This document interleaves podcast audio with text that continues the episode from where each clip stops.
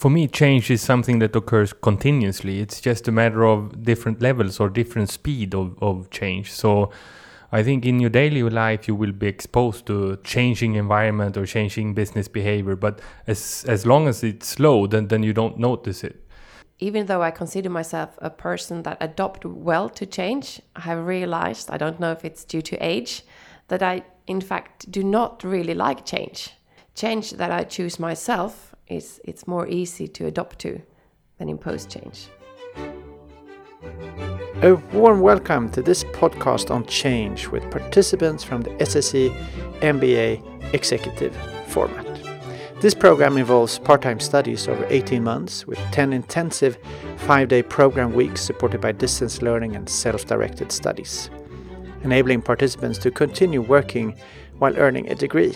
My name is Carl Eneroth, Online Program Director at SSE IFL Executive Education, and I met a few participants after they had presented their Change Live project, in which they worked in teams to identify and implement a change project in a company or organization of their choice. My first question was What does change mean to you? Change is something that you need to embrace and something that you need to handle and have a plan for. You develop people and your processes as well when you work uh, in a structured way with change. Change for me is, uh, I think, a lot about uh, adopting to the environment.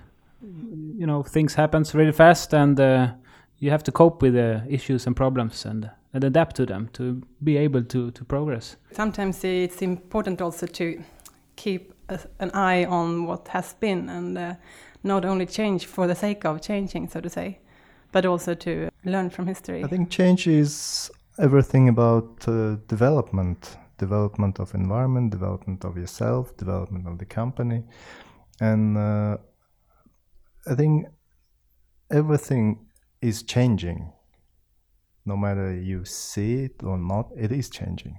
It is also easier to change or to make changes in the environment rather than in yourself.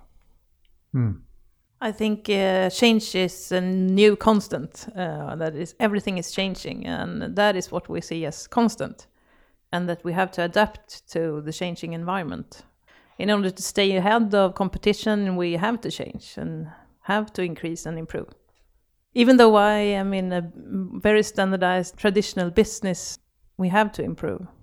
The pace of change is increasing outside the company. Do you think that everyone who is in the company should move faster or do it in another way to keep up? I think we need to change more frequently, maybe not faster in a way that you have to do a lot of big changes, but you have to adjust and change all the time, but take small steps uh, rather than doing the big frog leaps all the time. But if change is the normal, what is then change? You have to uh, differ yourself, and, and uh, you have to like rethink how you're uh, acting and performing, and uh, yeah. But maybe it's normal, but it's a constant thing.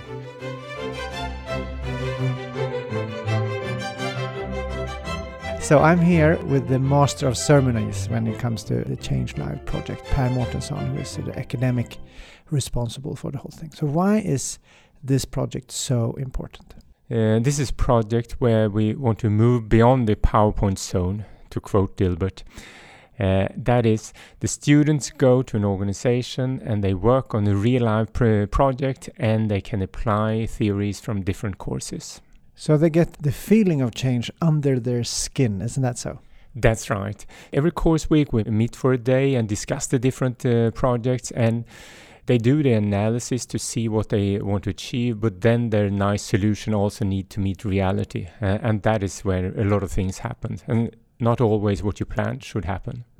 What, what do you think the participants get out of doing this hard work? I think that it's how they can apply the different theories and models in a real life context. So it's a bit different from a typical project where they just run the project, but here we also force them to think about what they do and why they do things. What, in your experience, having done this several times, what are the common pitfalls? What doesn't work? First, uh, many people start looking for a solution uh, immediately. and that's one of the lessons learned when they report what they learned from this is that not to jump into the conclusion too quickly, but to spend time, really understand what the problem is, and to focus on to get a good understanding of the current situation first before they start designing the solution. Something that came up in the uh, discussion were that they were sort of focused on change Mm-hmm. and there was a need for change. But if change is the normal, what is then change? Then it's how to deal with these change process because it's it changes the normal in most of these organizations where they work, but it's the process how you deal with this situation, how the people in the organization can deal with this, and also how you can try to get some kind of structure in this sort of chaotic situation that you sometimes can perceive. So tell me, why is uh, change important in the context of your project in the process industry? Uh, they will get new opportunities when it comes to machinery. They will make a big investment. In order to cope with that, you need to change the organization as well. You need to to work with this new machinery that you get. Okay, so the machine. So it's not not just the technology. You need to have the people with you as well and the organization. So the technology is pushing the change. To some extent, yes or or you could say the economies of scale is, is pushing pushing the change. Because you need to expand you need to be more efficient and then you perform an investment and then you need to work a little bit different in order to capitalize on that investment. Okay. Sandra is that your view also or did you see something else uh, no, it's it's the same view, but what we realized was that it's actually the culture that is the base, and that has to be changed here from from being kind of reactive and very focused on getting output as planned every day, um, saving, uh, putting out fires. Uh, instead, you have to be more proactive in order to be efficient with this new machinery. Um, so our change project, uh, instead of being very concrete about specific work tasks, it's actually uh, transformed to be about the culture in the company, which was very, very exciting. And and uh, it took a while to to come there, but now everybody is very uh, engaged in that. Yeah, it's easier to say that you should change tasks but you really need to change the culture before you can change the tasks. That was a key takeaway from our perspective. Did you know that from the beginning, or did you realize that during the process? I would say we realized that during the process. You've been doing projects here on a professional service firm. Why is change important in the context of that project? I think for, for this specific project, it was uh, mainly related to getting out of doing this the same expecting something different. So they were stuck in doing the same expecting things to improve. It was important for them to take a different take on the approach and i think that's where, where the change came from or the need for change because the environment around them has started to change faster than they were. What of all the things that we cannot control is really affecting us? You're really specialized in your field perhaps and uh, and what you're experts at but having someone with a helicopter view taking into consideration changing em- employees values uh, values of customers um, their preferences and, and, competitors also you need to have your tentacles out in so many aspects and it's difficult to keep up the same pace in all those aspects. And then you have conflicting demands within the company or you need to be a, this perfect employer you need to be attracting talents attracting clients and and that's difficult to to manage in a company. Uh, was there any resistance to change in the in the company you studied and why do you think that was? I wouldn't say that we met so much resistance during the project and this is perhaps partly because we had done a stakeholder analysis early on in the project where we had analyzed the different people that might be concerned by the project and how we think they might how we thought that these might react to the project and the change and thought through how to include them in the project. But i think an important thing here is also what type of, of change you want to achieve. If it means something that threatens the people, if there's a big change, perhaps organizational change, a larger one, that means that someone needs to lose his job or or switch a position in the company, then you meet more resistance, of course. But if it is something that is only like incremental, then um, I think it's easier, of course, to do the change. And the kind of project you did was mm. more of the incremental type. We worked with environmental issues at a real estate company. Part of it was that we wanted to uh, increase uh, or improve the way that uh, environmental issues were evaluated but also we wanted to increase commitment and engagement for environmental issues at the company. So we did this in parallel, but by taking a more concrete evaluation tool, this was the tool that we, we used to sort of increase uh, also the commitment and engagement among the co-workers. So how did you work with change and what worked and what did not work? We started with the issues. We had a lot of problems in the industry and uh, and we started to to dig into those and with a lot of solutions and then we had this all these uh, tools that we were learned here in school uh, different models that we applied and it really helped us to narrow down the projects and see this is uh, one solution that will cope with several of the issues so, uh, so so that's why we ended up with that and then we saw also from, from things that we learned in school in the organizational view with these four frames the good book of Bolman and Deal uh, what the four frames? the four frames of what organization. It's a human resource frame and a structural say frame and a symbolic frame and a political frame, frame. Yeah. So so we saw that our organization we worked here was has a, a, a big side of the uh, the symbolic frames. How did you work with change with this uh, environmental regulation implementation? One thing that we did when we when we narrowed down, um, we worked with this Y model that we learned during this course. Uh, how and quickly, what is the Y model? It's about how to sort of uh, uh, define uh, what needs to be changed and and what the actions and steps uh, are. First, line out the um, or write down the, the, what what the current situation is, and then describe the intended future situation, what you would like uh, the future situation to be, and then you, you see what, what type of changes that uh, might be needed to reach this. In our case, I think it was a, a useful strategy to start with, start with just one uh, property and then to scale up later on. The company will continue and do the same for other properties as well. And also in the development of this evaluation system, we decided to include the people that will be working on it.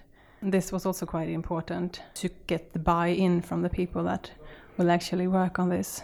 The approach we took from a change perspective was to make a thorough analysis of the, the starting point, understanding also the power structure, the, the organization as such, where they were, who they were, and how they were working. To be able to implement change in this, I would say, quite special um, uh, context, we had to understand quite a lot on how to work with the, the people in it and the structures in it. So th- that was the starting point. I think we got lucky uh, in some in some sense because it, it, from a timing perspective we managed to have a change project with which aligned with a lot of uh, other ongoing activities. So we were able to execute the key steps in the change in, in a good way. It, it really timed with other ongoing activities.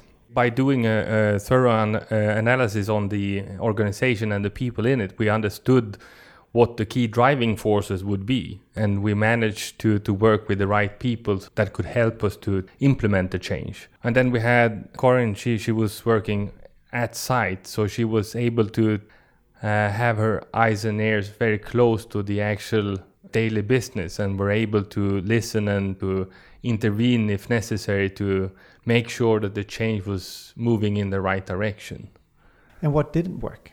When we saw this new solution, we didn't put enough effort to get everyone to understand that as well.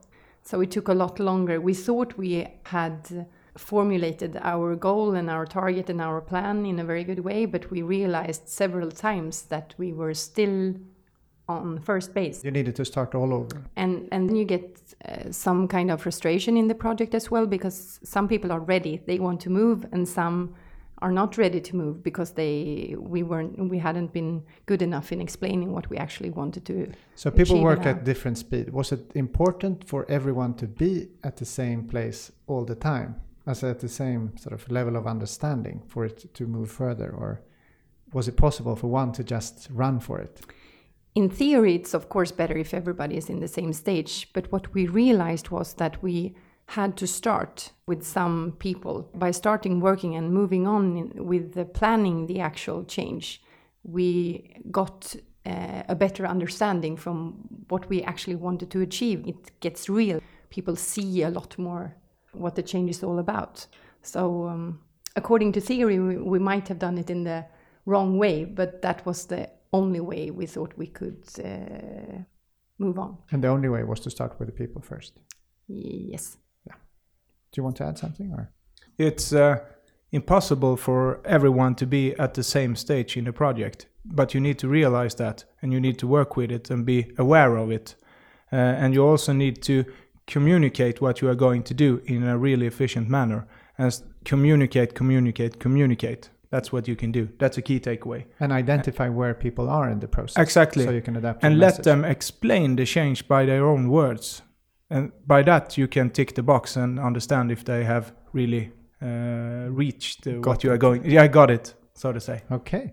Not working. I don't know if it wasn't working but we had a initial understanding or initial project idea that was was quite specific. We we wanted to implement a new way of working with strategy implementation and follow up and so on. And we said it's balanced scorecard. Let's call it a trap. The first mistake we did was to assume that this was the right tool. And we managed to get out of it by taking a step back. And, and I think it was also helped by, by doing this um, initial analysis of, of where they were.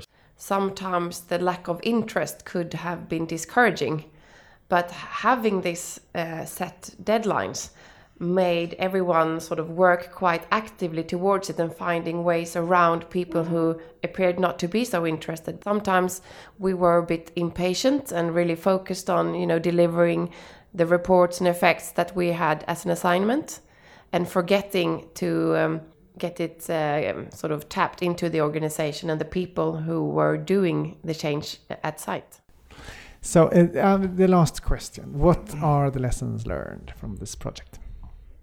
Uh, for me, it was really the key that uh, having to involve people at an early stage and take different uh, viewpoints into consideration. And I think I wouldn't have done it in such a way if it wouldn't have been for the project at school. And also taking different viewpoints into the project and having to analyze could we do it differently? Uh, is this the best way? And not just rushing through uh, to the end like I normally do. I think one lesson learned is that you need to allow for the change uh, to take time. And perhaps uh, if you're going to change something, perhaps you want it to be changed immediately. But if there's lots of people involved, you need to allow for all these people to get on board and to agree and be with you in the change process. What, so, was that a surprise? It was uh, not really a surprise, but it became uh, clear, and I think you need to accept it uh, if you're going to facilitate the change process. Um, because you might have been thinking about these issues for a long time, but for the people that you're presenting it to, it could be perhaps entirely new. Um, lesson learned is that in the future, when we're applying some change, we really need to prioritize and see what will benefit most from the, the solution of the of the issue, uh, and really dig into that. Otherwise, it won't work, and you can't rush it through. So uh, it takes a lot of time. This is a journey. We are going to change a bit of a culture here, and uh, to change a culture take time. But they have a clear plan for how they will work with that journey, and they have uh, all the ingredients in the company, so to say, to achieve the change. Many of the other change projects already planned had to be incorporated within this change project, so they also got a lot better alignment with in their whole change. Uh, procedure ongoing in their company because the management team now prioritize together all these ongoing changes. Beside Per Mårtensson from Stockholm School of Economics, you've heard participants from the SSE MBA Executive Format program reflect upon their Change Live projects.